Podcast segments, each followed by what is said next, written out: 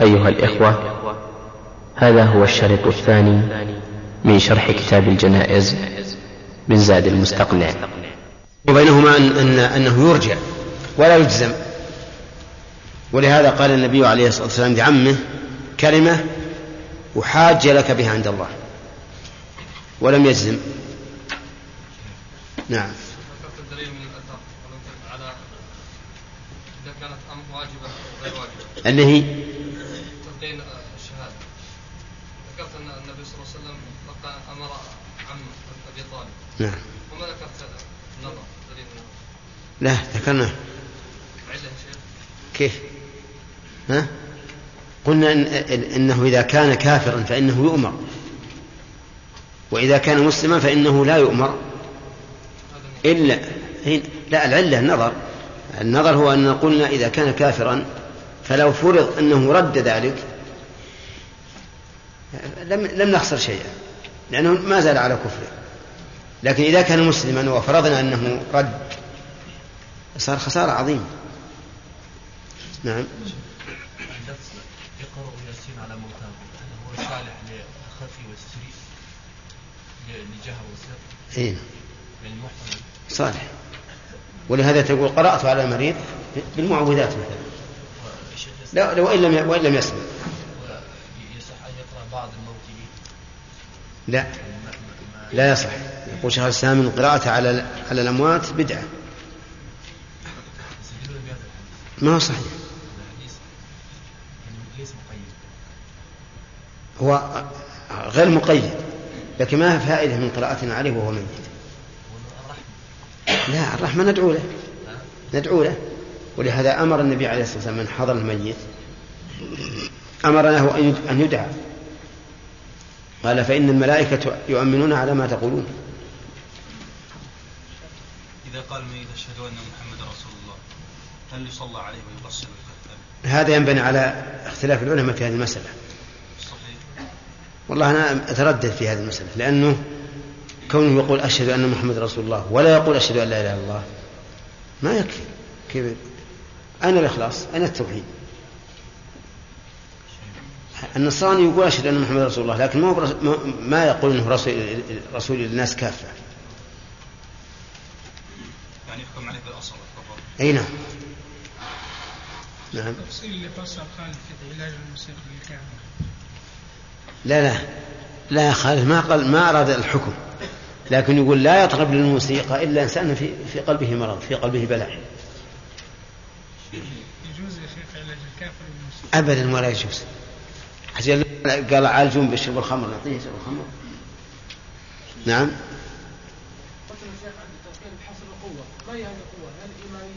إيش؟ إيش؟ اي نعم. نعم لا لا قوة الإيمانية. إذا علمنا أن الرجل هذا قوي الإيمان وأنه يعني عنده يقين. ليس كالإنسان الضعيف. نعم. إيش؟ كان مقتدر يا شيخ من يرى انه على الحديث الذي ورد في فضل قراءة ياسين على الميت لا تجوز وانها لا تصح والذي حضر يا شيخ يرى ان هذا الحديث صحيح هل يقرا عليه شيخ ولا لا لا يقرأ عليه. لأنه لا يزيد لا يزيده إلا ضيق صدر. أي لكن يقرأها لمصلحة الميت المحتضر.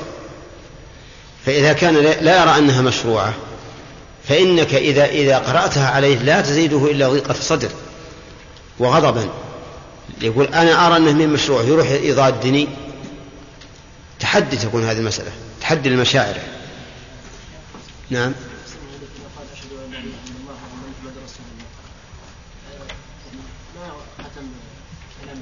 ها؟ إيه؟ ما يمنعها لأن شهادة محمد رسول الله تابعة ولهذا جعلها النبي عليه الصلاة والسلام مع مع الشهادة لا إله إلا الله ركنا واحدا ها؟ ما يمنع يعني نحن نقول إذا قال لا إله إلا الله كفى لكن لو قال أن محمد رسول الله ما يمنع أن, ما أن يكون آخر كلامه لا إله إلا الله لأن الشهادة بالرسالة من, من تتميم أو من تمام الشهادة لله بالتوحيد.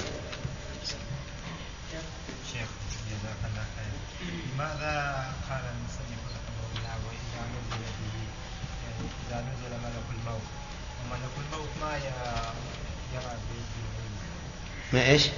ما يرى. آه. اشكال هداية الله؟ يقول إذا نزل به أي نزل الملك. والملك لا يرى. نقول يعرف بالآثار. بالآثار.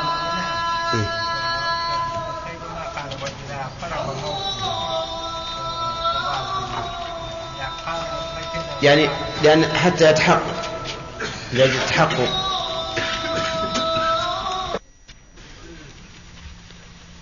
بسم الله الرحمن الرحيم. هذه ورقات في حديث اقرأوا على موتاكم سورة ياسين تخريجه والقول فيه. أعطاني إياها أحد الأخوة قبل قليل.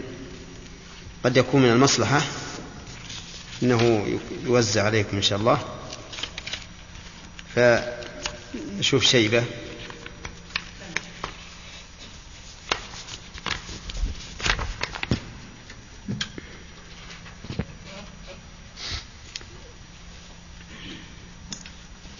بسم الله الرحمن الرحيم الحمد لله رب العالمين صلى الله وسلم على نبينا محمد وعلى آله وأصحابه ومن تبعهم بإحسان إلى يوم الدين.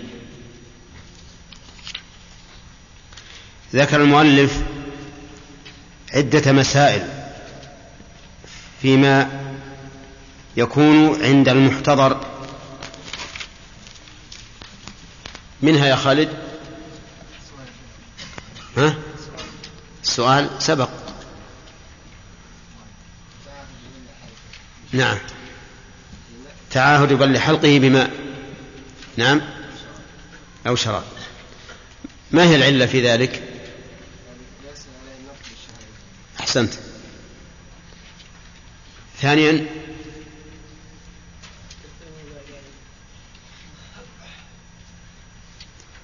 قبلها شيء. ها؟ تندية شفتيه بماء. طيب. لكن هذا الماء يصب عليها صبا ولا إيش؟ ها؟ هذا بل الحلق. لكن تندية الشفتين.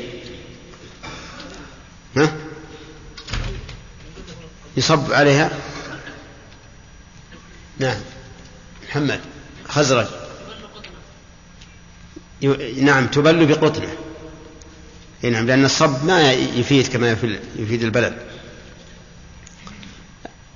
الثالث تلقينه لا إله إلا الله. كيف التلقين؟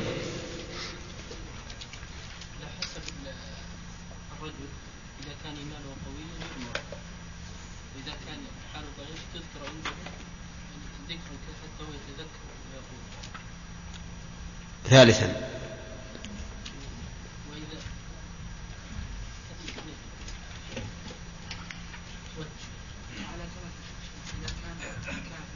إيه؟ نعم. يؤمر الثاني.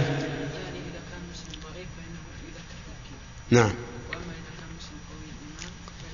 فلا بأس أن يؤمر. تمام. آه، ما هو الدليل على أن الكافر يؤمر؟ الأخ. أما حضرت؟ ها؟ ها؟ ما هو الدليل؟ أن النبي صلى الله عليه وسلم أمر عمه أبا طالب فقال يا عم قل لا إله إلا الله تمام. هل يكرر التلقين يا خالد؟ يكرر التلقين في حالة إذا تكلم الميت نعم. نعم. أما إذا لم يتكلم؟ لأنه يكون آخر كلامه؟ لا إله إلا الله نعم. هذه ثلاثة. الرابع خالد. براءة ياسين. نعم. وهل كيف القراءة؟ تكون جهرا؟ وهل ينفث عليه فيها أو لا؟ النفث النفث أولا. هل ينفث عليه فيها؟ نعم. نعم. اي نعم. وأما الجهر بها فحسب حال المريض. نعم طيب. وهذا بناء على على أن الحديث من الأحاديث المقبولة سواء كان صحيحا أم حسنا. أما إذا كان من الأحاديث الضعيفة فإنه لا يجوز العمل بالضعيف. وستجدون إن شاء الله الكلام فيه. قال المؤلف رحمه الله فإذا مات. هذا منتدى اليوم. ها. يوجهه إلى القبلة. قال المؤلف رحمه الله ويوجهه إلى القبلة يعني من يعني يوجه من حضر الميت إلى القبلة. يعني يجعل وجهه نحو القبلة. وهذا يقتضي أن يكون على جنبه إما الأيمن وإما الأيسر حسب ما هو متيسر. المهم أن يكون وجهه إلى القبلة. وذلك لأن القبلة هي أفضل لأن المجلس الذي يستقبل فيه الإنسان القبلة هو أفضل المجالس.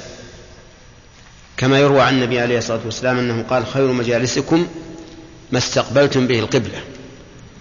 ولأن ولأن النبي صلى الله عليه وسلم قال البيت الحرام قبلتكم أحياء وأمواتا.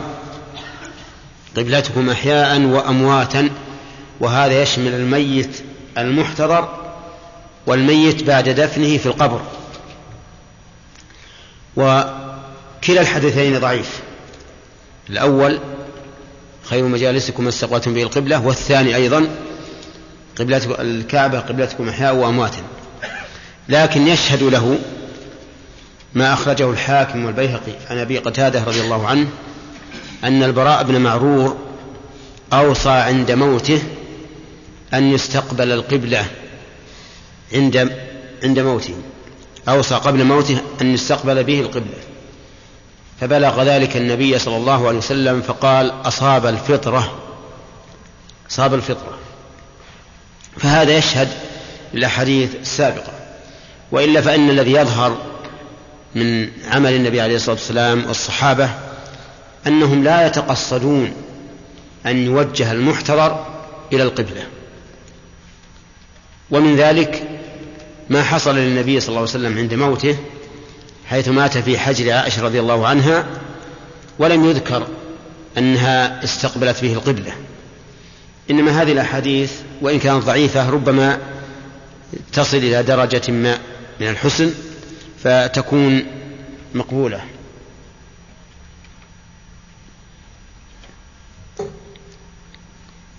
نعم. يقول ويوجهه إلى القبلة. فإذا مات سن تغميضه. إذا مات يعني إذا تحققنا موته وقد مر علينا أن الإنسان إذا مات شخص بصره انفتح يتبع روحه أين تذهب. إذا مات فإنه سوف يشخص بصره فإنه فيسن يسن تغميضه. ولذلك دليلان. أثري ونظري. أما الأثري فهو ما كان من فعل النبي صلى الله عليه وسلم بأبي سلمة. فإنه لما دخل على أبي سلمة ورأى بصره قد شخص. قال إن الميت إذا إن الروح إذا قبض اتبعه البصر. فسمعه من في البيت. فضجوا. يعني علموا أن الرجل قد مات فرجوا فقال النبي صلى الله عليه وسلم لا تدعوا على أنفسكم إلا بخير فإن الملائكة يؤمنون على ما تقولون. لأنه من عادة في الجاهلية أنهم عند المصائب يدعون على أنفسهم بالشر فيقولون واثبوا وانقطاع ظهراه وما أشبه ذلك من الكلمات المعروفة عندهم. فقال النبي عليه الصلاة والسلام لأهل أبي سلمة لا تدعوا على أنفسكم إلا بخير فإن الملائكة يؤمنون على ما تقولون. وإن دعاء تؤمن عليه الملائكة لحري بالإجابة لا سيما في هذه الحال التي يكون فيها الإنسان مصابا خاضعا خاشعا مفتقرا إلى ربه عارفا بأنه لا ينجي من هذه المصيبة إلا الله.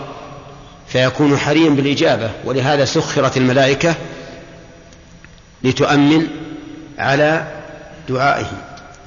ثم قال النبي عليه الصلاة والسلام اللهم اغفر لأبي سلمة وارفع درجته في المهديين وافسح له في قبره ونور له فيه وأخلف واخلفه في عقبه.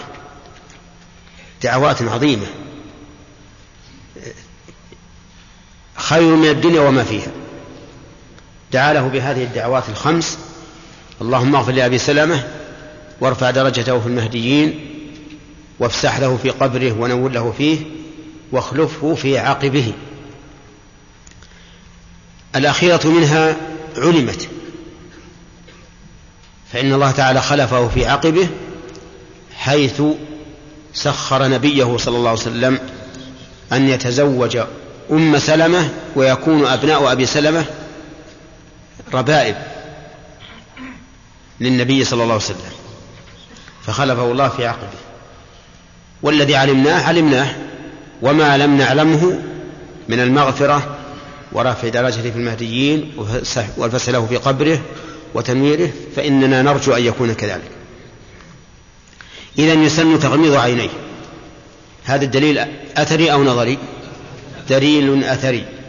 أما الدليل النظري فهو أولا لإبقاء آه نعم آه لدفع تشويه الميت. لأنه إذا صار البصر شاخصا ففيه تشويه. الذي ينظر إليه يجده مشوها. ففي تغميضه إزالة لتشويه وجهه. قال العلماء وفيه أيضا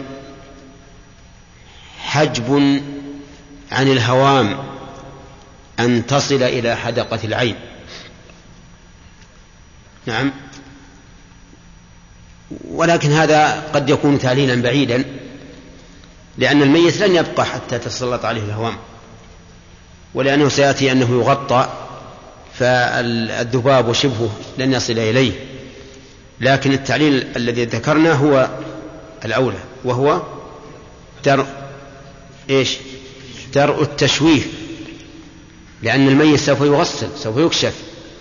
فإذا كشف وقد حصل له هذا يكون مشوها. نعم ربما يتوجه ما قاله بعض العلماء في منع الهوام من الوصول إلى الحدقة فيما إذا دفن في القبر. لأنه إذا بقي البصر منفتحا ثم برد الميت لا يمكن أن ينضم بعد هذا. سيبقى منفتحا إلى إلى أن يشاء الله. إذا لدينا دليل دليلا أثري ونظري. وينبغي عند التغميض أن يدعو بما دعا به النبي صلى الله عليه وسلم لأبي سلمة. فيقول اللهم اغفر لفلان وارفع درجته في المهديين وافسح له في قبره ونور له فيه واخلفه في عقبه كما فعل النبي صلى الله عليه وسلم. فيكون هنا سنة فعلية وسنة قولية. الفعلية هي تغميض العينين والقولية هو هذا الدعاء. نعم يقول فإذا مات سن تغميضه وشد لحييه وتليين مفاصله. لأن الآن كل ما سبق الستة التي ذكرناها فيما سبق قبل الموت. الذي إذا مات فيه أشياء تسن. التغميض هو أول شيء. وشد لحييه. شدها يعني ربط يعني ربطها. اللحيين هما هذان العظمان اللذان هما منبت الأسنان فيشدهما بحبل أو بخيط أو بلفافة. المهم أن يشد أن يربطهما لأنه إذا لم يربطهما فربما ينفتح الفم لأنه ليس عند الإنسان شعور. سيلين اللحيين ثم ستلين, ستلين اللحيان ثم تتدليان فينفتح الفم فإذا شد عليه آه، إذا شدهما وبرد الميت بقي هكذا مشدودا. وهذا ليس فيه دليل أثري فيما أعلم لكن فيه دليلا إيش؟ نظريا وهو درء تشويه الميت. من وجه والثاني حفظ باطنه عن دخول الهوام عليه ولو في القبر. وشد الحيه ثالثا قال وتليين مفاصله. تلين المفاصل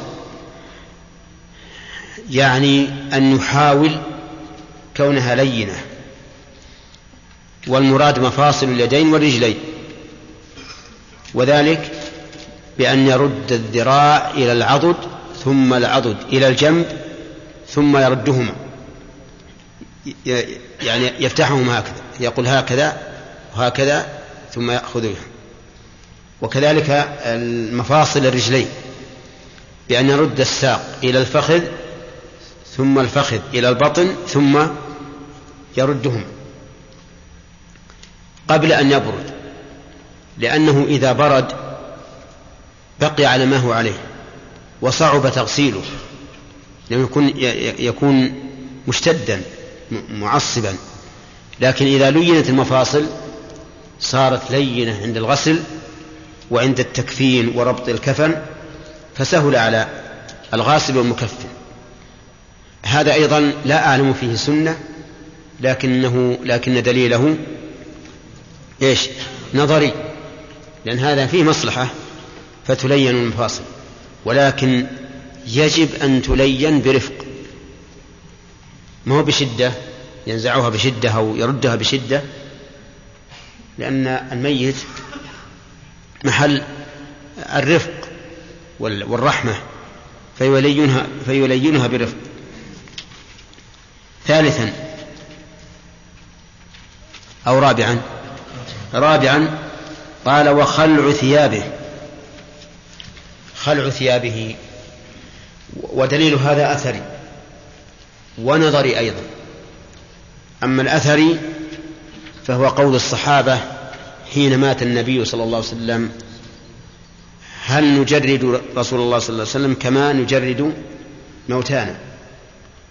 فينبغي أن تخلع ثيابه. أما أما النظر فلأن الثياب لو بقيت لحمي الجسم. وأسرع إليه الفساد. فإذا جرد من ثيابه صار أبرد له وأنفه ويسجى يجرد من الثياب ويسجى كما سيأتي. هذا خلع الثياب. ثالثا و... ويجب أن يكون الخلع برفق. يجب أن يكون برفق. خلافا لما رأيناه من بعض الناس. تجده يعني ينزع الثياب بشدة لا سيما في ثياب الشتاء.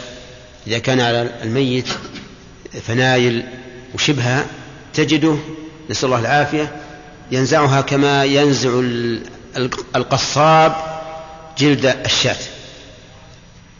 وهذا لا شك إنه خلاف الرحمة خلاف الحنان. ويخشى أن يكون هذا الرجل قد نزعت الرحمة من قلبه. نسأل الله العافية. سادسا. لا يا طيب. تغميضه. شد الحيث تليم مفاصله خلع ثيابه. قال وستره بثوب. ستره أي الميت. بثوب يكون شاملا للبدن كله. ودليل ذلك أن النبي صلى الله عليه وسلم حين توفي سجي ببرد حبرة. البرد ثوب يتحف به يشمل كل الجسد. والحبرة برود يمانية معروفة. في ذلك العهد تأتي من اليمن. فسجي النبي عليه الصلاة والسلام ببرد حبرة لكنه صلى الله عليه وسلم لم يجرد من ثيابه بل بقيت ثيابه عليه. وستره بثوب. قال ووضع حديدة على بطنه. يعني يسن أيضا وهذا السادس أن أن يوضع على بطنه حديدة. أو نحوها من من الأشياء الثقيلة الثقيلة توضع على بطن الميت واستدلوا لهذا بأثر فيه نظر. وبنظر فيه علة. أما الأثر فذكروا عن أنس بن مالك رضي الله عنه أنه قال ضعوا على بطنه شيئا من حديد. وهذا أثر فيه نظر. ولا أظنه يثبت عن أنس بن مالك رضي الله عنه. والذي يظهر من حال الصحابة أنهم لا يفعلون ذلك. وأما العلة وأما النظر الذي فيه علة فإنهم قالوا لئلا ينتفخ البطن. إذا وضع عليه حديدة أو نحوها من الأشياء الثقيلة لئلا ينتفخ. ولكن هل هذا يمنع الانتفاخ؟ لا أظنه يمنعه لأن الانتفاخ إذا حصل يقطع الخيوط فلا فلا يغني شيئا. إذا انتفخ ارتفعت الحديدة. إلا كان بيحطون عليه حديدة وزن الجبل هذا شيء ثاني. أما إذا كان حديدة يعني مألوفة فإنه إذا إذا انتفخ سوف ترتفع. ثم إن المسافة ما كثيرة. المسافة ليست كثيرة. لأن لأن السنة هو هي إيش؟ الإسراع بتجهيز الميت. في عصرنا الآن نستغني عن هذا وهو أن يوضع في ثلاجة إذا احتيج إلى تأخير دفنه. وإذا وضع في الثلاجة فإنه لا ينتفخ لأنه يبقى باردا فلا يحصل انتفاخ في بطنه. طيب كم هذه؟ ستة. السابق قال ووضعه على سرير غسله. وضعه أي الميت؟ على سرير غسله يعني ينبغي أن يبادر برفعه عن الأرض لئلا تأتيه الهوام. وكأن الفقهاء رحمهم الله في بيوتهم تكثر الهوام لأنها ليست كبيوتنا الآن بيوت بيوتا نظيفة يبعد أن تجد فيها هوام. كان الناس في الأول بيوتهم يعني ما هي على هذه النظافة؟ الصارور كثير والخنفس كثير والأشياء الثانية كثيرة ونحن أدركنا هذا. إذا دخلت المطبخ في الليل ما تسمع إلا وشيش الصوارير نعم رايح وجاي فكأنه فيما سبق إذا مات الميت يخشى عليه من هذه الهوام فلهذا قالوا ينبغي أن يبادر فيرفع على سرير الغسل والسرير معروف سرير ما يجلس عليه. ويختلف سرير الغسل عند الناس منهم من يكون السرير مختوما يعني كله ألواح. ومنهم من يكون السرير غير مختوم يعني عبارة عن أشياء من الخشب مصفوف بعضها إلى بعض مع الفتحات كما هو موجود عندنا الآن. وهذا لا يضر. المهم أنه يكون على هذا السرير مرتفعا عن الأرض. قال المؤلف متوجها إلى إلى القبلة لأن ذلك أفضل ولا أعلم في هذا دليلا من السنة خاصا في هذه المسألة. منحدرا نحو رجليه. يعني أنه يكون رأسه أعلى من رجليه. لماذا؟ لسببين. السبب الأول لئلا يرتج الماء في السرير. وهذا لأن الأسرة كانت عنده فيما سبق ألواح ألواح مختومة. أما السرير الذي عندنا فليس كذلك. والشيء الثاني من أجل أن يسهل خروج ما كان مستعدا للخروج من بطنه. لأنه إذا كان مرتفعا نحو رجليه آه، نازلا نحو رجليه فالذي متهيئ للخروج يخرج. طيب. كم هذه؟ سبعة. نعم وضعه على سبيل غسله هذه السابعة متوجها منحدرا نحو رجليه هذه صفة للوضع. فلا نعدها مستقلة. قال وإسراع تجهيز الثامن. وإسراع تجهيزه إن مات غير فجأة. لقول النبي صلى الله عليه وسلم أسرعوا بالجنازة. فإن تك صالحة فخير تقدمونها إليه وإن تك سوى ذلك فشر تضعونه عن رقابكم. وهذا حديث ثابت عن النبي صلى الله عليه وسلم لكنه ظاهر فيما إذا كانت محمولة لأن قوله فشر تضعونه عن رقابكم ظاهر في أن المراد بذلك الإسراع بها حين تشييعها.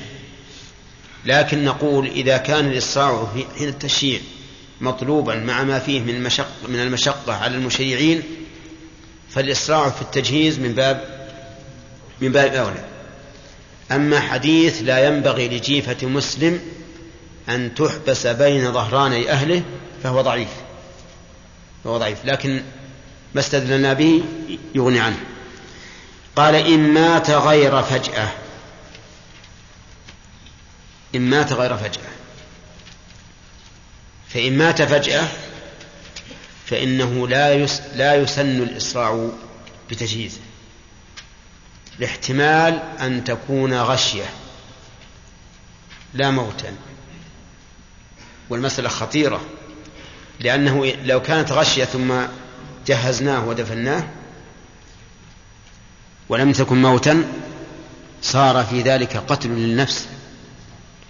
فالواجب إذا مات فجأة أن ينتظر به. وهذا الذي ذكره العلماء رحمهم الله قبل أن يتقدم الطب.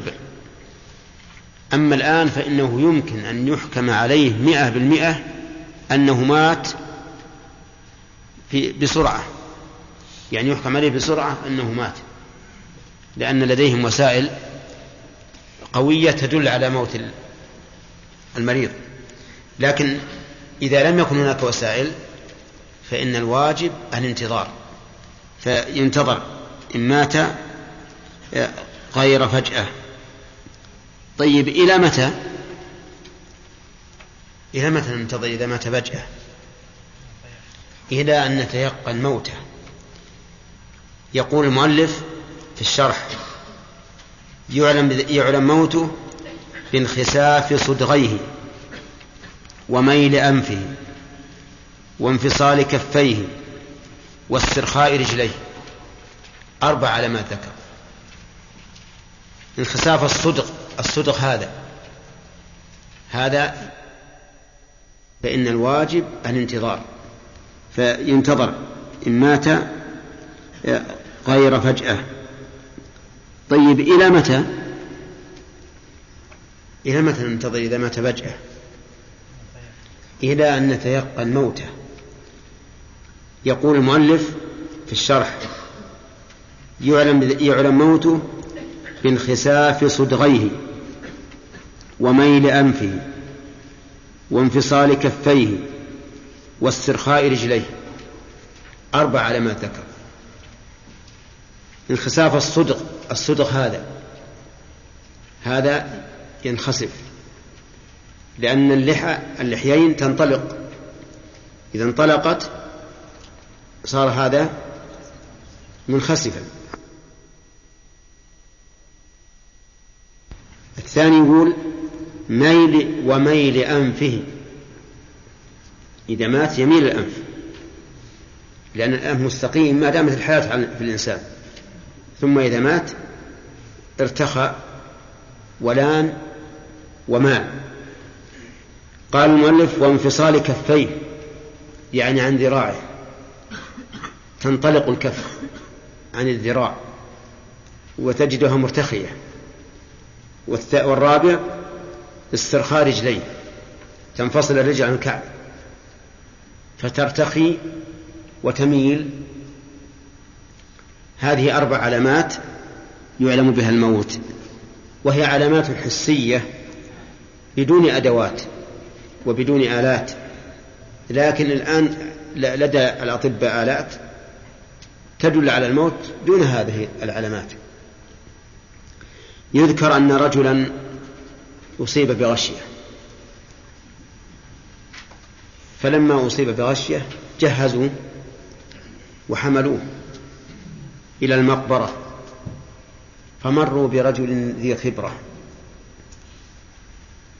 فقال لهم ما هذا؟ قالوا هذا جنازة نريد أن ندفنها. قال لا. هذا لم يمت. نزلوه. فنزلوه فأتى بصوت فجعل يضربه. يضرب هذا الميت حتى تحرك. حتى تحرك. فقالوا ما الذي حملك على هذا؟ ما الذي أعلمك أولا أنه ليس بميت؟ قال إن الميت لا تسترخي رجليه لا تنتصف. وهذا الذي أنتم حملتم رجلاه منتصبتان. وأما ضرب إياه بالصوت فلأن الضرب يحمي الجسم. يحمي الجسم. وإذا حمي جسمه زالت عنه البرودة التي هي سبب الغش. ثم ثم حملوه راجعا إلى بيته. نعم. فالمهم أن هذا شاهد على ما قال الفقهاء رحمهم الله أن من علامات الموت انفصال الرجلين أو استرخاء الرجلين. طيب. إذا الثامن إسراع التجهيز بشرط. إيش؟ أن يموت غير فجأة فإن مات فجأة وجب الانتظار. وبهذا التقرير نعلم خطأ ما يفعله بعض الناس مما حدث أخيرا. أنهم يؤخرون الميت حتى يأتي أقاربه. أحيانا يكون أقاربه خارج المملكة في أوروبا أو غيرها فينتظرون به يوما أو يوما وليلة من أجل حضور الأقارب. وهذا في الحقيقة جناية على الميت. الميت إذا كان من أهل الخير فإنه يود أن يدفن سريعا لأنه يبشر بالجنة عند موته. نسأل الله يجعلنا وإياكم منهم. يبشر بالجنة عند موته. وإذا خرج خرج به من بيته تقول نفسه قدموني قدموني. تحثهم على أن أن يوصلوها إلى القبر. فإذا حبسناه عما أعد الله له من النعيم صار في هذا جناية عليه مع مخالفة السنة. أصبحت الآن الجنازة وكأنها حفل عرس ينتظر به القادم حتى يحضر. وهذا لا شك أنه خلاف السنة من وجه وجناية على الميت من وجه آخر. أما إذا أخر مثلا لساعة أو ساعتين أو نحوهما من أجل كثرة الجمع فلا بأس بذلك. كما لو مات في أول النهار وأخرناه إلى الظهر ليحضر الناس أو أو إلى صلاة الجمعة إذا كان في صباح الجمعة ليكثر الناس عليه فهذا لا بأس به لأنه تأخير يسير لمصلحة. مصلحة من؟ مصلحة الميت فلا بأس به. فإن قال قائل كيف نجيب عن فعل الصحابة رضي الله عنهم حيث لم يدفنوا النبي صلى الله عليه وسلم إلا يوم الأربعاء أو ليلة الأربعاء مع أنه توفي ليلة يوم الاثنين. فالجواب عن ذلك أنه من أجل إقامة الخليفة بعده حتى لا يبقى الناس بلا خليفة. فالإمام الأول محمد رسول الله صلى الله عليه وسلم توفي. فلا نواريه بالتراب ونغيبه عن ظهر الأرض حتى نقيم خليفة بعده. وهو مما يحثهم على إنجاز إقامة الخليفة. وتعلمون أنه من حين ما بويع أبو بكر رضي الله عنه شرعوا في تجهيز النبي صلى الله عليه وسلم ودفنه. وعلى هذا فإذا مات الخليفة وكان لم يعين من يخلفه فلا حرج أن يؤخر دفنه حتى يقام خليفة بعده. قال وإسراء تجهيز وإنفاذ وصية وإنفاذ ولا وإنفاذ؟ وإنفاذ بالكسر. عطفا على تجهيز. يعني وإسراع إنفاذ وصيته. أما إنفاذ وصيته منه فهو واجب لكن إسراع الإنفاذ فإنه يسن إسراع إنفاذ الوصية. إن كانت في واجب فلإسراع إبراء ذمته.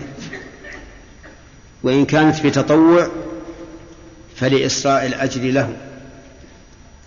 والوصية كما نعلم إما واجبة وإما تطوع.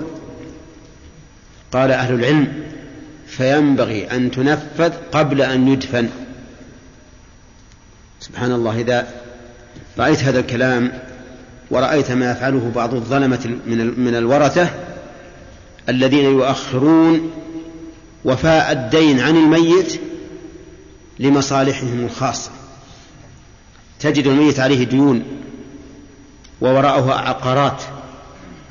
فيقول لا نبيعها نوفيه من الأجرة. ولو بعد عشر سنين. أو يقول لا الأراضي مثلا كسدت الآن. كاسدة. ينتظر حتى ترتفع قيمتها. وربما ترتفع وربما تنزل. لكن والعياذ بالله هذا ظلم.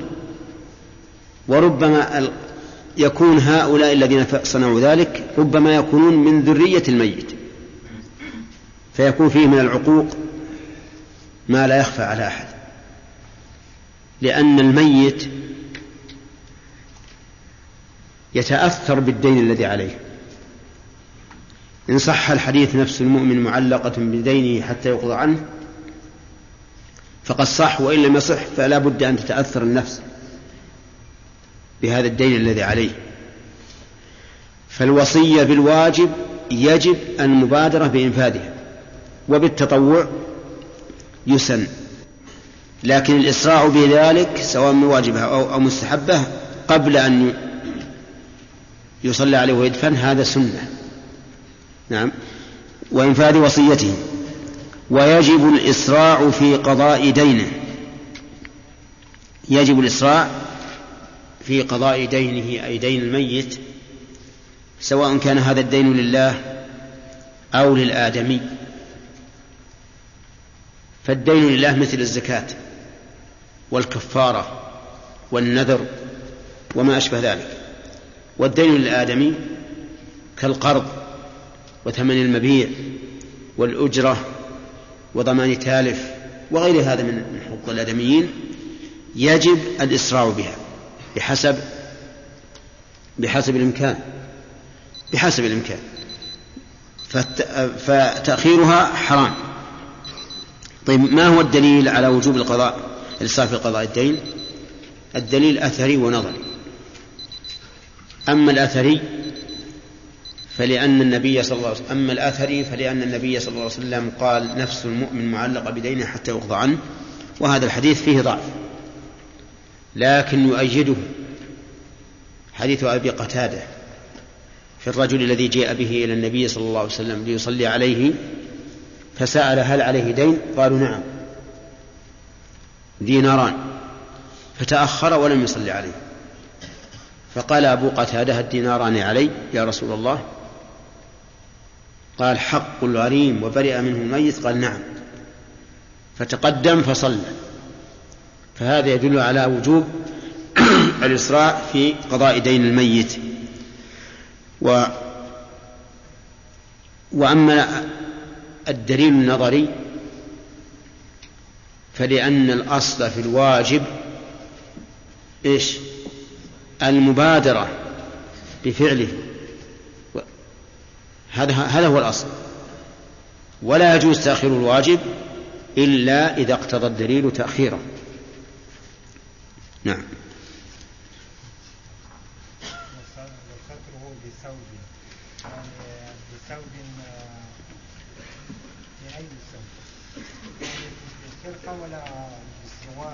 لا لا لا. إذا قال العلماء بثوب فالمراد بالثوب ما يستر ما يستر, ما يستر ولو بخرقة. وهذا هو وهذا هو المراد. المراد بثوب ليس ليس قميصا ولا سراويل ولكنه خرقة لحاف أي نعم من أجل عورته. عورته وبدنه. نعم.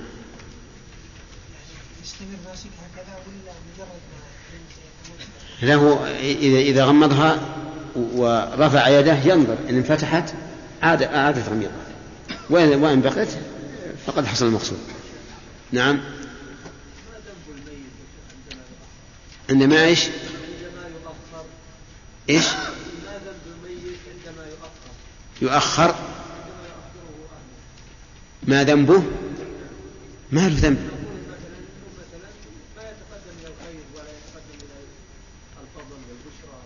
هو ما له ذنبه ما عليه ذنب.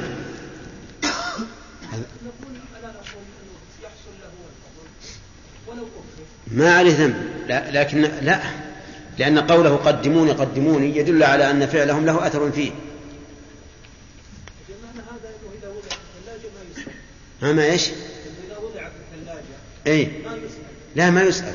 حتى لو جلس حتى لو جلس عشر سنين. لا دام ما سلم وانتهى أهله منه فهو في عالم الدنيا. إلا إذا وضع في القبر أو فيما يقوم مقام القبر كما لو كان كما لو مات في بحر وألقي في البحر. لا لا ما يسأل. حتى يكفن ويصلى يصلى عليه ويسلم.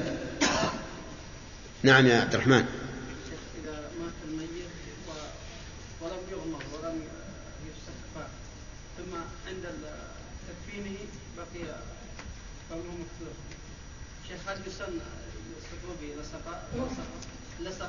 إيه؟ يمكن لأجل إزالة التشويه أنه يوضع عليه قطنة نعم وخرقة تلف. شيخ سلمك الله ما يمكن الاستدلال بحديث أبي قتادة على أن الميت ما يدفن حتى يقضى عنه الدين؟ لا. لأن الرسول قال صلوا على عليه. لكن هو عليه الصلاة والسلام تأخر لأنه كان في أول الأمر لا يصلي على من عليه دين لا وفاء له. ف... أبي قتادة على أن الميت حتى يقضى عنه الدين؟ لا. لأن, الرسول قال صلوا على عليه. لكن هو عليه الصلاة والسلام تأخر لأنه كان في أول الأمر لا يصلي على من عليه دين لا وفاء له. فلما فتح الله عليه قال من مات وعليه دين فهو عليه. قول بعض أهل العلم أنه ينبغي إنفاذ الوصية قبل أن يدفن الميت. أليس هناك حقوق متعلقة بتركة الميت أولى من الوصية كتجهيز الميت؟ إيه. هو الآن بجهزه. هو الآن بجهزه. قبل التجهيز؟ اي نعم. بس هو يعني نشتغل بهذا وهذا. ما, في منافاة. فهل السلطان لا يصلي عليه بعض العلماء يرى أنه لا بأس أن لا يصلي عليه إمام, إمام البلد كالقاضي أو الأمير أو ما أشبه ذلك لما لما فيه من من ردع الناس عن التهاون بالديون. اي يجوز عليه لا شك. ولهذا كان الخلفاء الراشدين فيما نعلم لا يسألون عن الديون إيه وبعض العلماء يقول هذا خاص بالرسول. لكن آخرون قال لا أنه عام للرسول ولغيره إذا لأن فيه مصلحة. ردع الناس عن التهاون بالديون خصوصا في عصرنا الآن. تجد الإنسان الآن يتدين ياخذ سيارة مثلا لنقل بخمسين ألف مع أنه يكيل سيارة بعشرين ألف. نعم. ثم لا شرى سيارة بخمسين ألف راح يضربه بعد خمسة آلاف أو أكثر. نعم. بدر قد يتعذر إنفاذ الوصية قد قد يكون بعيد عن الميت أو أقرباء هي المسألة ما هي على سبيل الوجوب يا بدر؟ افرض أن الميت هذا قال هذا هذه مئة ريال أوصيت بها لفلان. صدقة سهل. يسهل أنهم يأخذونها قبل يدفنون ويروحون بلد للمصالحة. والمسألة حسب الإمكان. ربما يكون أيضا في في التركة عقارات تحتاج إلى مدة في بيعها. نعم. محمد.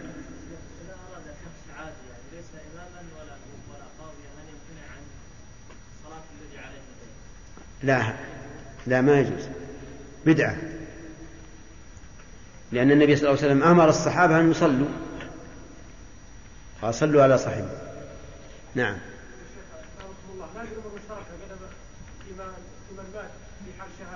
كيف؟ هل هذه الأمور التي ذكرت مشتركة في من مات في حال شهادة؟ كيف غرض إيش؟ إي نعم؟ اي مشتركة. إلا إلا ما ما, ما يختص بالشهيد شهيد المعركة بكونه لا يغسل ولا يكفن. هذا شيء ثاني. نعم ناصر.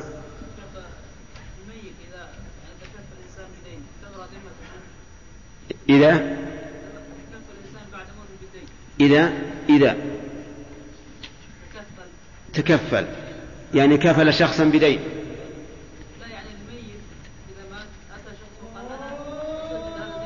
إيه نعم. ما تبرأ البراءة التامة حتى يوفى. لكن لكنها تبرأ من المطالبة. لماذا وضع العلماء كتاب الجنائز في آخر كتاب الصلاة مع أنه لا مع أن له تعلقا بالوصايا والفرائض.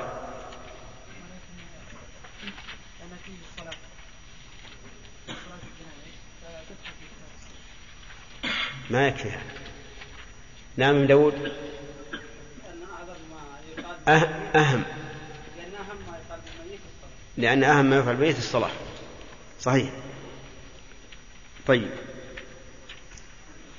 حكم عيادة المريض.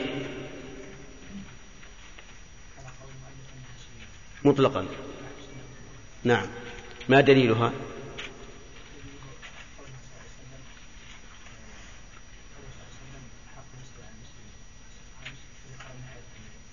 نعم. إذا إذا مرضت فعد. طيب.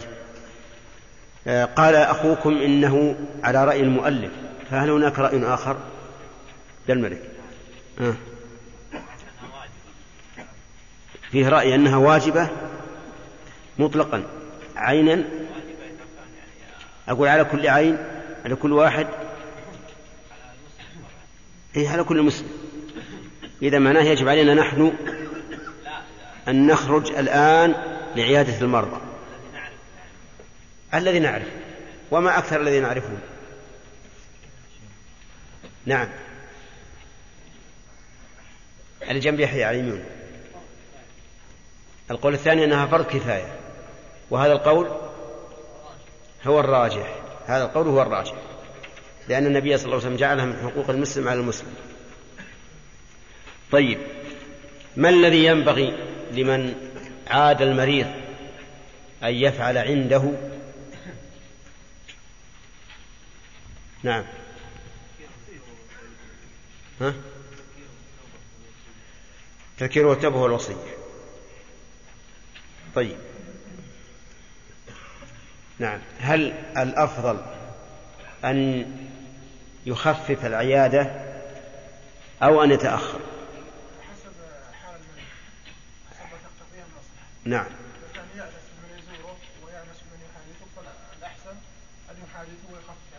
نعم. وإذا كان حال لا تسمح بذلك فالأفضل أن يخفف. أحسنت. صح. طيب.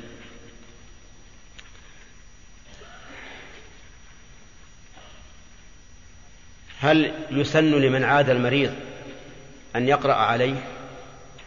صالح.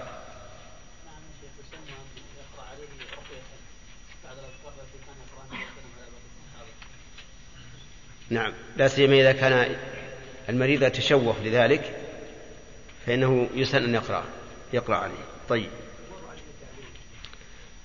تبع القراءة. طيب المؤلف يقول تذكيره الوصية ماذا يريد بالوصية الزراء؟ ماذا يريد بالوصية؟ أن يذكره الوصية بإيش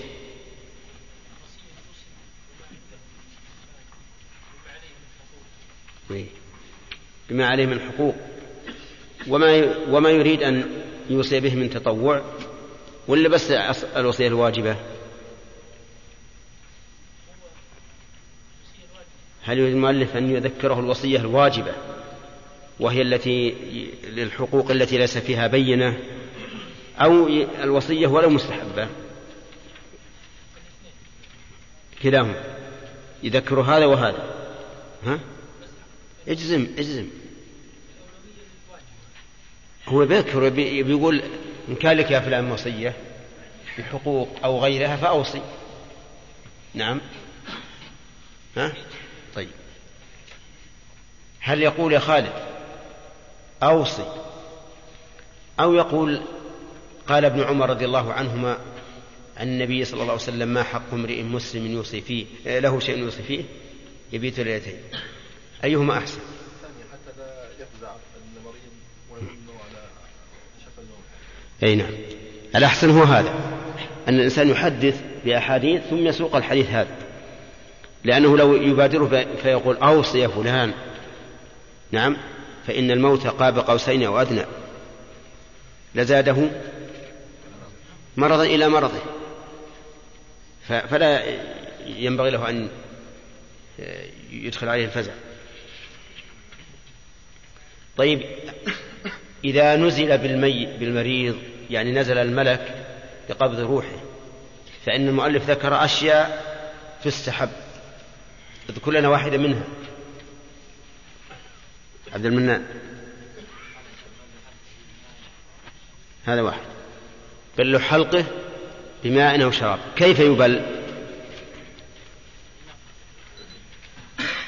بأن ينقط فيه. نعم. أو يدخل أو أو يدخل مثلا عودا مبلولا. ها؟ نعم. يعني ليس هذا. أي طيب. هذه واحدة. درس جديد.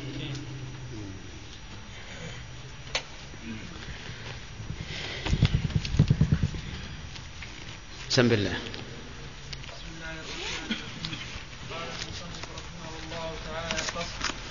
غسل الميت وتكفينه والصلاة عليه والصلاة عليه ودفنه فرض كفاية. وأولى الناس بغسله وصيه ثم أبوه ثم جده ثم الأقرب فالأقرب من من عصباته عصباته. من عصباته ثم ذو أرحامه. وأنثى وأنثى وصيتها ثم القربى ثم القربى فالقربى من نسائها. ولكل من الزوجين غسل, غسل صاحبه. وكذا سيد مع سريته سريته. ولرجل وامرأة غسل من له دون من له دون سبع, سبع سنين فقط. وإن مات رجل بين نسوة أو عكسه يممت كخنثى مشكل.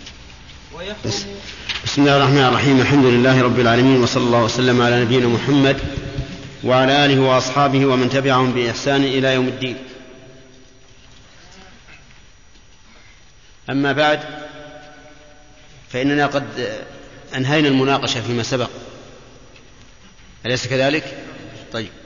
نأخذ الدرس الجديد لهذه الليلة إن شاء الله. يقول المؤلف رحمه الله غسل الميت وتكفينه والصلاة عليه ودفنه فرض كفاية. هذه أربع مسائل غسل الميت وتكفينه والصلاة عليه ودفنه فرض كفاية. ودليل ذلك في الغسل والتكفين قول النبي صلى الله عليه وسلم في الذي وقصته ناقته يوم عرفة اغسلوه بماء وسدر. اغسلوه. والأمر في الأصل للوجوب. ومن المعلوم أنه لا يريد من كل واحد من المسلمين أن يغسل هذا الميت. إنما يوجه الخطاب لعموم المسلمين. فإذا قام به بعضهم كفى. ودليل آخر وهو قول النبي عليه الصلاة والسلام للنساء اللاتي يغسلن ابنته. قال اغسلنها ثلاثا أو, أو خمسا أو سبعا أو أكثر من ذلك إن رأيتن ذلك. قال اغسلنها. والأصل في الأمر الوجوب وهذان دليلان أثري أثريان. أما الدليل النظري فلأن هذا من حقوق المسلم على أخيه بل هو من أعظم الحقوق أن يقدم الإنسان أخاه إلى ربه على أكمل ما يكون من الطهارة. وأما التكفين فهو أيضا فرض كفاية ودليله قوله صلى الله عليه وسلم كفنوه في ثوبين كفنوه. فهنا أمر قال كفنوه. والأصل في الأمر الوجوب ومن المعلوم أنه واجب كفاية لأنه لا يمكن أن يؤمر كل واحد من الناس أن يكفن الميت وإنما المقصود أن يحصل الكفن. وهذا هو الفرق بين فرض الكفاية وفرض العين. فرض العين مطلوب من كل واحد وفرض الكفاية المطلوب منه أو المطلوب فيه وجود الفعل. المطلوب فرض هذا هو الفرق بين فرض الكفاية وفرض العين أن العين أن فرض العين مطلوب من كل واحد وأن فرض الكفاية المطلوب منه أو المطلوب فيه إيش؟ الفعل. إذا حصل فهذا هو المطلوب هذا هو المطلوب. وقول ودفنه والصلاة عليه. الصلاة عليه أيضا فرض كفاية. لأن النبي صلى الله عليه وسلم كان يصلي على الأموات باستمرار.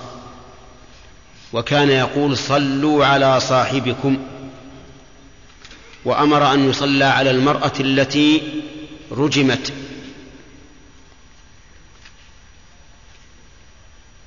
وقال الله عز وجل ولا تصل على أحد منهم مات أبدا ولا تقم على قبره.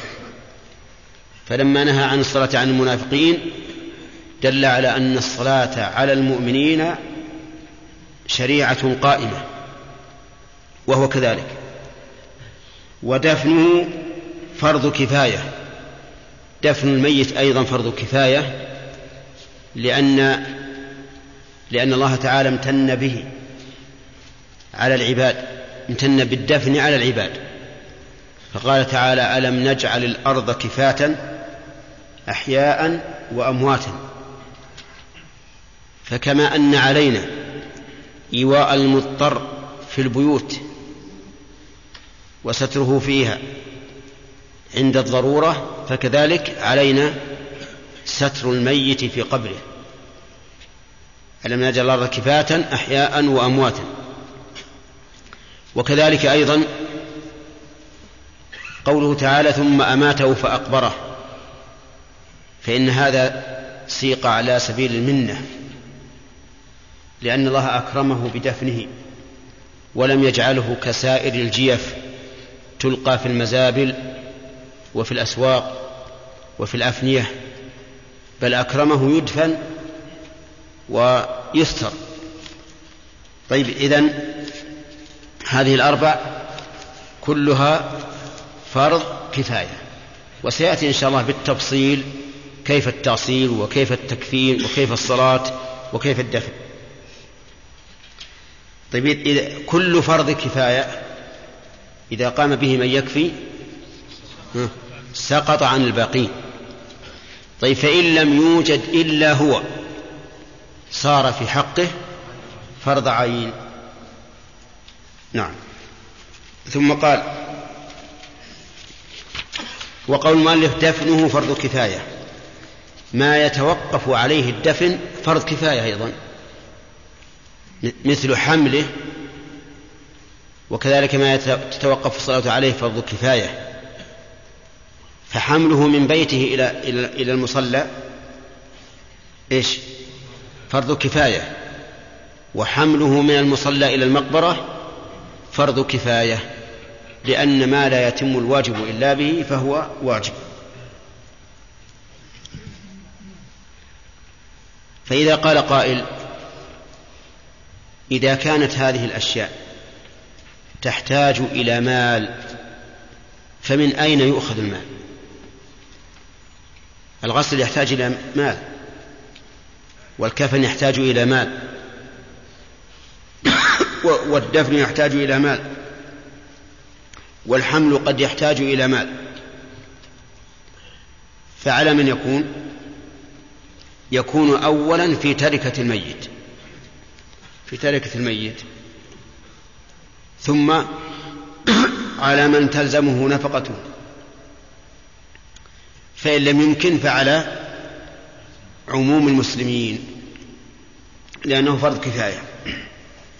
قال المؤلف وأولى الناس بغسله أولى الناس بغسله وصيه. يعني لو تنازع الناس من يغسل هذا الميت؟ قلنا أولى الناس بغسله وصيه يعني الذي أوصى أن يغسله. واستفدنا من قول المؤلف وصيه. أنه يجوز للميت أن يوصي بأن لا يغسله إلا فلان. والميت قد يوصي بذلك لسبب مثل أن يكون هذا الوصي تقيا. يستر ما يراه من مكروه أو أن يكون عالما بأحكام الغسل أو أن يكون رفيقا لأن بعض الذين يغسلون الأموات يعاملونهم بشدة. عند نزع ثيابه تجده يعامله بعنف وكأنما يسلخ جلد الشاة مذبوحة. نسأل الله العافية.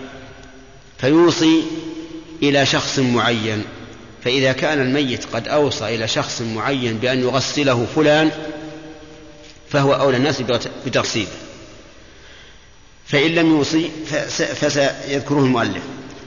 طيب ما هو الدليل على استفادة أولوية التغسيل بالوصية؟ لأن أبا بكر رضي الله عنه أوصى أن تغسله امرأته. وأوصى أنس بن مالك أن يغسله بمحمد بن سيرين. ثانيا قال ثم أبوه ثم جده ثم الأقرب فالأقرب من عصباته. هنا قدموا ولاية الأصول على ولاية الفروع. وفي باب الميراث تقدم الفروع على الأصول. وفي ولاية النكاح الأصول على الفروع. فهنا لو, لو, لو كان للشخص الميت أب وابن أب وابن ولم يوص من يغسله منهما فالأولى الأب. أولا لأن الأب أشد شفقة وحنوا على ابنه من الابن على أبيه. ثانيا لأن الأب في الغالب يكون أعلم بهذه الأمور من الابن لصغره. في الغالب مع أنه قد يكون العكس قد يكون ابن الميت طالب علم وأبوه جاهلا. نعم. يقول ثم جده. أي الجدين؟ من قبل الأب أو من قبل الأم؟ من قبل الأب. الجد من قبل الأب. ثم الأقرب فالأقرب من عصباته. من الأقرب بعد الأب والجد؟ الأبناء وإن نزلوا. ثم الإخوة الإخوة وإن نزلوا ثم الأعمام وإن نزلوا ثم الولاء على هذا الترتيب. ومن المعلوم أن مثل هذا الترتيب إنما نحتاج إليه عند عند المشاحة. فأما عند عدم المشاحة كما هو الواقع في عصرنا اليوم فإنه يتولى غسله من يتولى غسل عامة الناس. وهذا هو المعمول هو المعمول به الآن. تجد الميت يموت وفيه أناس مستعدون للتغسيل يذهب يذهب إليهم فيغسل فيغسلونه. يقول ثم الأقرب فالأقرب من عصباته والأولى ثم ذو أرحامه. ذو الأرحام أي أصحاب الرحم كل قريب ليس بذي فرض ولا عصبة. كل قريب ليس بذي فرض ولا عصبة. فأبو الأم مثلا من من ذوي الأرحام. وأم الأب من ذوي الأرحام. ليست من ذوي ليست من ذوي الأرحام ولكن هل تغسل الرجل؟ إذا لا ترد علينا. لا ترد علينا. هي وإن كانت من ذوي الفروض لكنها لا تغسل الرجل. نعم. ثم ذو أرحامه. وبأنثى يعني والأولى بغسل أنثى وصيتها. كما قلنا فيما سبق بالنسبة للرجل. ثم القربى فالقربى من, نس من, من نسائها. ولم يقل. ثم الأقرب فالأقرب من العصبات. لأن النساء ليس فيهن عصبة إلا بالغير أو مع الغير. ولهذا قال القربى فالقربى من نسائها وعلى هذا فنقول الأولى بتغسيل المرأة إذا ماتت من وصيتها ثم أمها وإن علت ثم ابنتها وإن نزلت ثم أختها من أب أو أم أو أو الشقيقة ثم عماتها وخالاتها إلى آخره القربى في القربى من نسائهم. ثم قال المؤلف رحمه الله ولكل واحد من الزوجين غسل صاحبه لكل واحد من الزوجين غسل صاحبه أي تغسيله. فالزوج له أن يغسل زوجته إذا ماتت والزوجة لها أن تغسل زوجها إذا مات.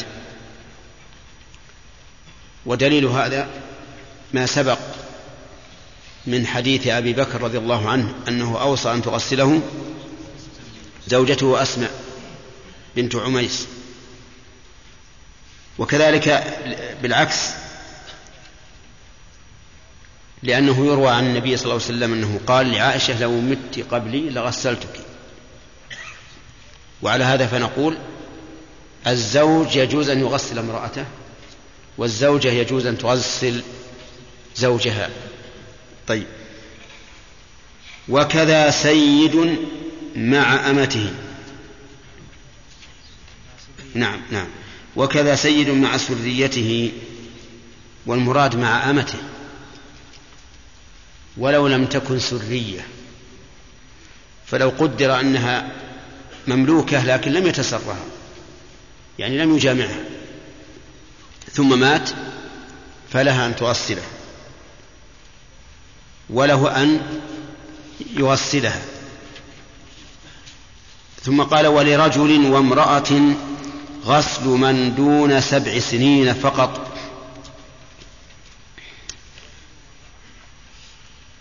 لرجل وامرأة غسل من دون سبع سنين فقط من ذكر أو أنثى. ودليل هذا أن إبراهيم ابن النبي صلى الله عليه وسلم غسلته النساء لأنه مات في الرضاعة أي قبل أن يفطن. ولأن عورة من دون السبع لا حكم لها. فإذا ماتت طفلة لها سبع سنوات لها أقل من سبع سنوات فلأبيها أن يغسلها. وإذا مات طفل له أقل من سبع سنوات فلأمه أن تغسله. فإن ماتت طفلة لها سبع سنوات فأكثر فهل لأبيها أن يغسلها؟ لا. لأنه لا يغسل الرجل المرأة ولا المرأة الرجل إلا في الزوجين والمالك وأمته. طيب. ولهذا قال ولرجل وامرأة غسل من دون سبع سنين فقط. وإن مات رجل بين نسوة. أو عكسه يعني أو حصل عكسه بأن ماتت امرأة بين رجال فإنه يقول يمم. كذا عندكم؟ يممت كخنثى مشكل. إن مات رجل بين نسوة كم كم عمر الرجل؟ سبع سنين فأكثر. إذا مات بين نسوة فإنهن لا يغسلن إلا أن يكون معهن زوجة له أو أو أمة. فإن كان معهن زوجة أو أمة فإنها تغسل كما سبق. أما إذا لم يكن معهن زوجة ولا أمة فإنه فإنه لا يغسل. طيب لو كان معه بنت؟ نعم. لا تغسل. أم لا تغسلها أيضا. طيب. وكذلك لو ماتت امرأة بين رجال فإنه فإنها لا تغسل. إلا أن يكون أحد, أحد الرجال. زوجا أو سيدا. وقوله يممت كخنثى مشكل. أفادنا المؤلف بقوله يممت أنه متى تعذر غسل الميت فإنه ييمم وتعذره يكون له صور منها هذه الصورة. بل هاتان الصورتان أن تموت امرأة بين رجال أو رجل بين نساء. ليس فيهن من يصح أن يغسله. ثانيا لو عدم الماء. مات ميت في البر وليس عندنا ماء فإنه ييمم. ثالثا لو تعذر تغسيله لكونه محترقا فإنه ييمم. هكذا قال المؤلف رحمه الله. بناء على أن طهارة التيمم تقوم مقام طهارة الماء. وقال بعض العلماء إن من تعذر غسله لا ييمم وذلك لأن المقصود بالتيمم التعبد لله تعالى بتعفير الوجه واليدين بالتراب وهذا لا يحتاجه الميت.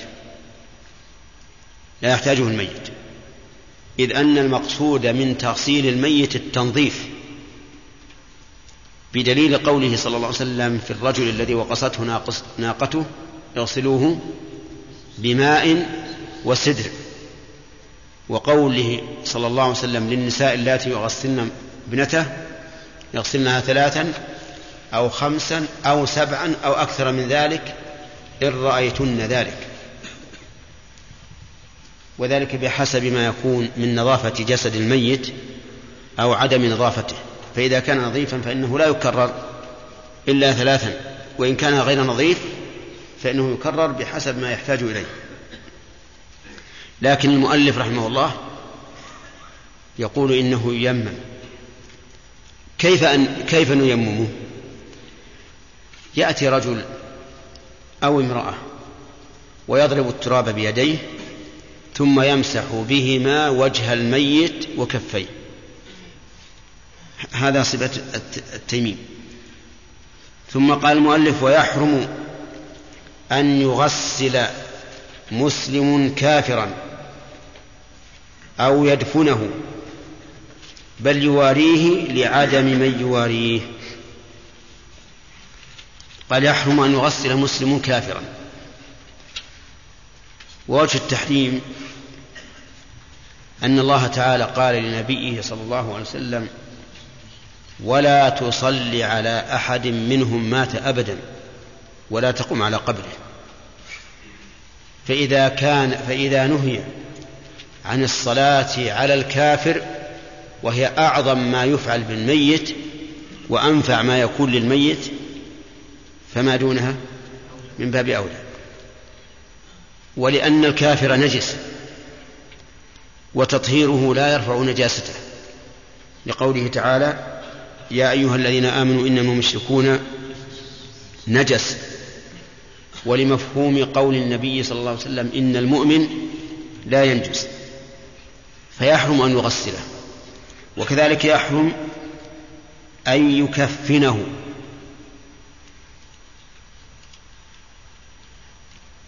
والعلة ما سبق أنه إذا نهي عن الصلاة وهي أعظم وأنفع ما يفعل في الميت فما دونها من باب أولى. قال في الشرح أو يتبع جنازته أو يتبع جنازته أو جنازته يجوز الوجهان حسب ما سبق. يعني لا يجوز للمسلم أن يتبع جنازة الكافر. لأن تشييع الجنازة من إكرام الميت والكافر ليس أهلا للإكرام بل يهان الكافر. قال الله تبارك وتعالى محمد رسول الله والذين معه أشداء على الكفار رحماء بينهم تراهم ركعا سجدا يبتغون فضلا من, من الله ورضوانا سيماهم في وجوههم من أثر السجود ذلك مثلهم في التوراة ومثلهم في الإنجيل كزرع أخرج شطأه فآزره فاستغرض فاستوى على سوقه يعجب الزراع ليغيظ بهم الكفار. ليغيظ بهم الكفار. فدل هذا على أن غيظ الكفار مراد لله عز وجل. وقال تعالى ولا يطؤون موطئا يغيظ الكفار ولا ينالون من عدو نيلا إلا كتب لهم به عمل صالح. وتشيع الكافر ها إكرام له وإكرام لذويه ولهذا يحرم أن يتبع جنازته أو يدفنه. نعم يحرم أن يدفنه. لقوله تعالى ولا تصلي على أحد منهم مات أبدا ولا تقم على قبره. والمراد يحرم أن يدفنه كدفن المسلم. ولهذا قال بل يوارى لعدم من يواريه. ومعنى يوارى يغطى بالتراب سواء حفرنا له حفرة ورمسناه بها رمسا أو ألقيناه على ظهر الأرض وردم وردمنا عليه ترابا. لكن الأول الأول أحسن. أي أننا نحفر له حفرة ونلمسه فيها. لأننا لو وضعناه على ظهر الأرض وردمناه بالتراب فلربما تحمله الرياح تحمل هذا التراب ثم تتبين جثته. وقوله بل يوارى لعدم يشمل ما إذا ووري بالتراب أو إذا ووري بقعر بئر أو نحوها. لأن النبي صلى الله عليه وسلم أمر قتل أمر بقتل بدر من المشركين أن إيش؟ أن يلقوا في بئر من آبار بدر. كما هو مشهور في السيرة. قال بل يواريه لعدم وش ما, ما, ما معنى لعدم؟ أي لعدم من يواريه. فإن وجد من يقوم بهذا من أقاربه فإنه لا يحل للمسلم أن يساعدهم في هذا. بل يكن الأمر إليهم. ثم قال وإذا أخذ في غسله ستر عورته. من هنا ابتدأ المؤلف في كيفية تغسيل الميت. فقال وإذا أخذ في غسله. لا يرضى النحويون بهذا التعبير من الفقهاء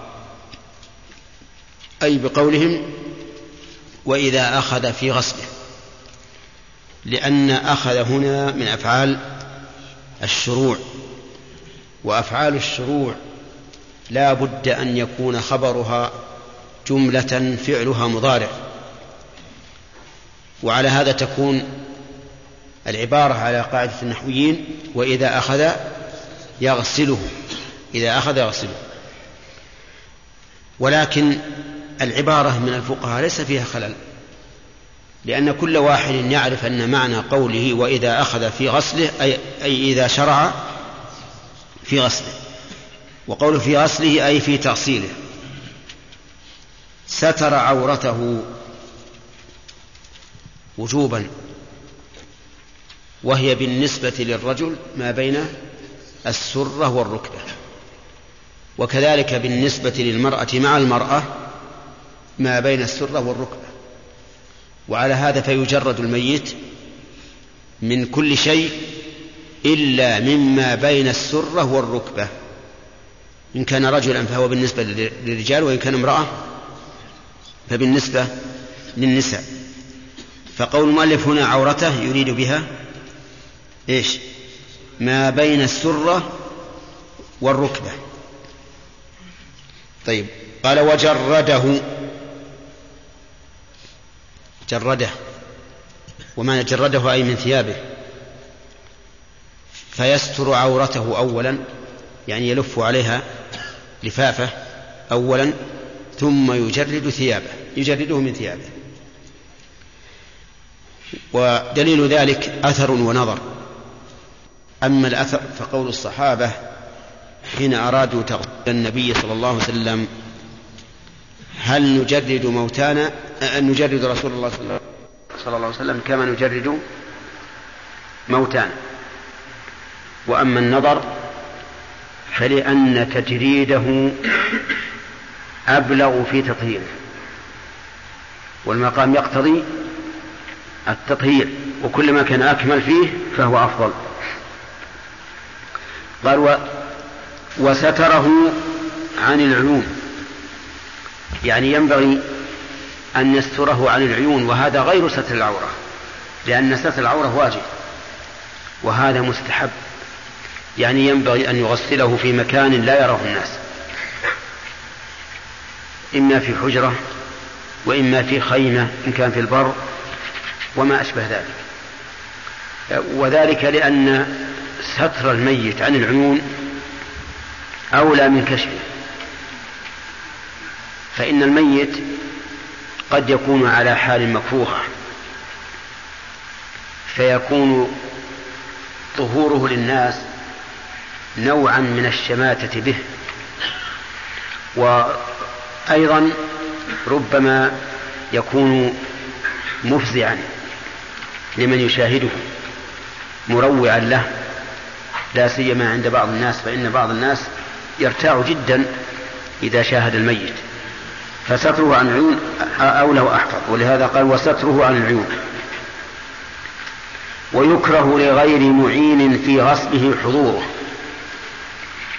يكره لغير معين في غسله حضوره هذه نائب الفاعل.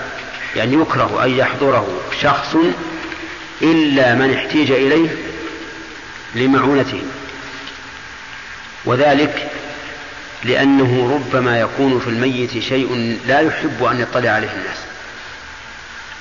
ولنفرض أن في الميت جروح لا يحب أن يطلع عليه الناس.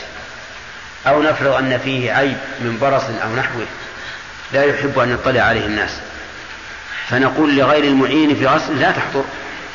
ما دمت لا يحتاج إليك فلا تحضر وظاهر كلام المؤلف حتى وإن كان من أقاربه مثل أن يكون أباه أو ابنه أو ما أشبه ذلك فإنه لا يحضر لأنه لا حاجة إليه. طيب. الآن ما الذي عملنا؟ إذا أخذنا في الغسل ماذا نعمل؟ أول ما نعمل؟ أن نستر عورته. ثم بعد ذلك نجرده من ثيابه. ثم نستره عن العيوب رابعا أن لا يحضر أحد تغسيله إلا من من احتيج إليه. وقد سبق في في الباب الذي قبل أنه من حين أن يموت يوضع على إيش؟ على سرير تغسيل فلا يقال هل نغسله على الأرض أو نغسله على السرير. نقول لأن هذا مفهوم مما سبق. نعم. ثم قال رحمه الله ثم يرفع رأسه إلى قرب جلوسه ويعصر بطنه برفق. ويكثر صب الماء حينئذ يعني بعد أن نجرده ونحن قد سترنا عورته إلى قرب الجلوس يعني رفعا بينا ويعصر بطنه برفق لأجل أن يخرج منه ما كان متهيئا للخروج. لأن الميت يسترخي تسترخي كل أعصابه فإذا رفع رأسه إلى هذا النحو وعصر بطنه لكن برفق. فإنه ربما يكون في بطنه شيء من القدر متهيئ للخروج وبعصره يخرج. وربما لو تركنا هذا مع رج الميت عند حمله وتقليبه في غسله وتكفينه ربما يخرج. هذا الشيء المتهيئ للخروج. فلهذا قال الفقهاء رحمهم الله إنه ينبغي أن يرفع رأسه إلى قرب جلوسه ثم يعصر بطنه لكن وليكن برفق كما قال مالك. ويكثر صب الماء حينئذ. متى؟ حينئذ أي حينئذ يعصر البطن لأجل أن يندرج أو يدرج ما يخرج من بطنه حينئذ. ثم ثم يلف على يده خرقة فينجيه بها. يعني أنه إذا فعل ما ذكر, ما ذكر رفع رأسه وعصر بطنه وخرج ما كان مستعدا للخروج يلف على يده خرقة. من الذي يلف؟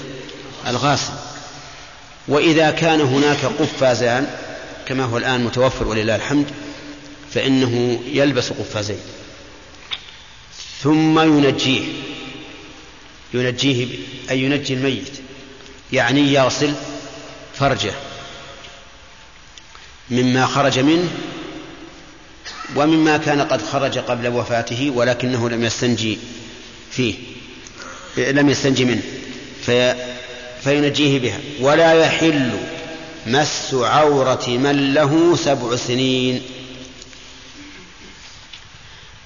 يعني أنه يجب أن يضع هذه الخرقة إذا كان الميت له سبع سنين فأكثر.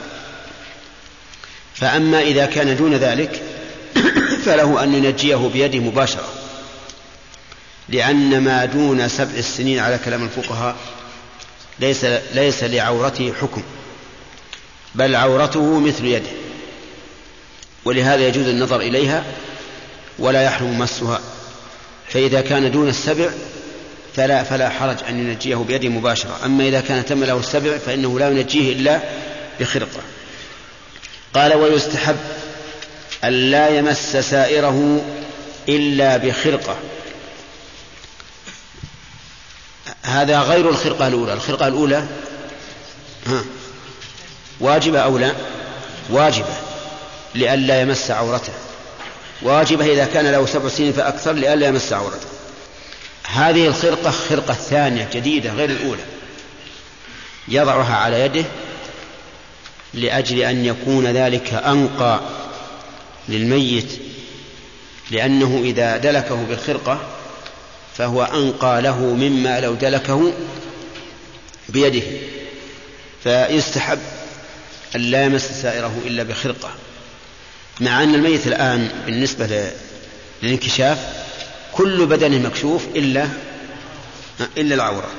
يستحب أن لا يمس سائره إلا بخرقة ثم يوضئه ثم يوضئه وجوبا أو ندبا؟ ندبا. أيها الإخوة وبنهاية هذه المادة نودعكم ونلقاكم إن شاء الله في إصدارات قادمة. مع تحيات مؤسسة الاستقامة الإسلامية للإنتاج والتوزيع في عنيزة. رقم الهاتف والفاكس صفر ستة ثلاثة ستة أربعة خمسة ثمانية ثمانية صفر. ورقم صندوق البريد اثنان وخمسمائة وألف.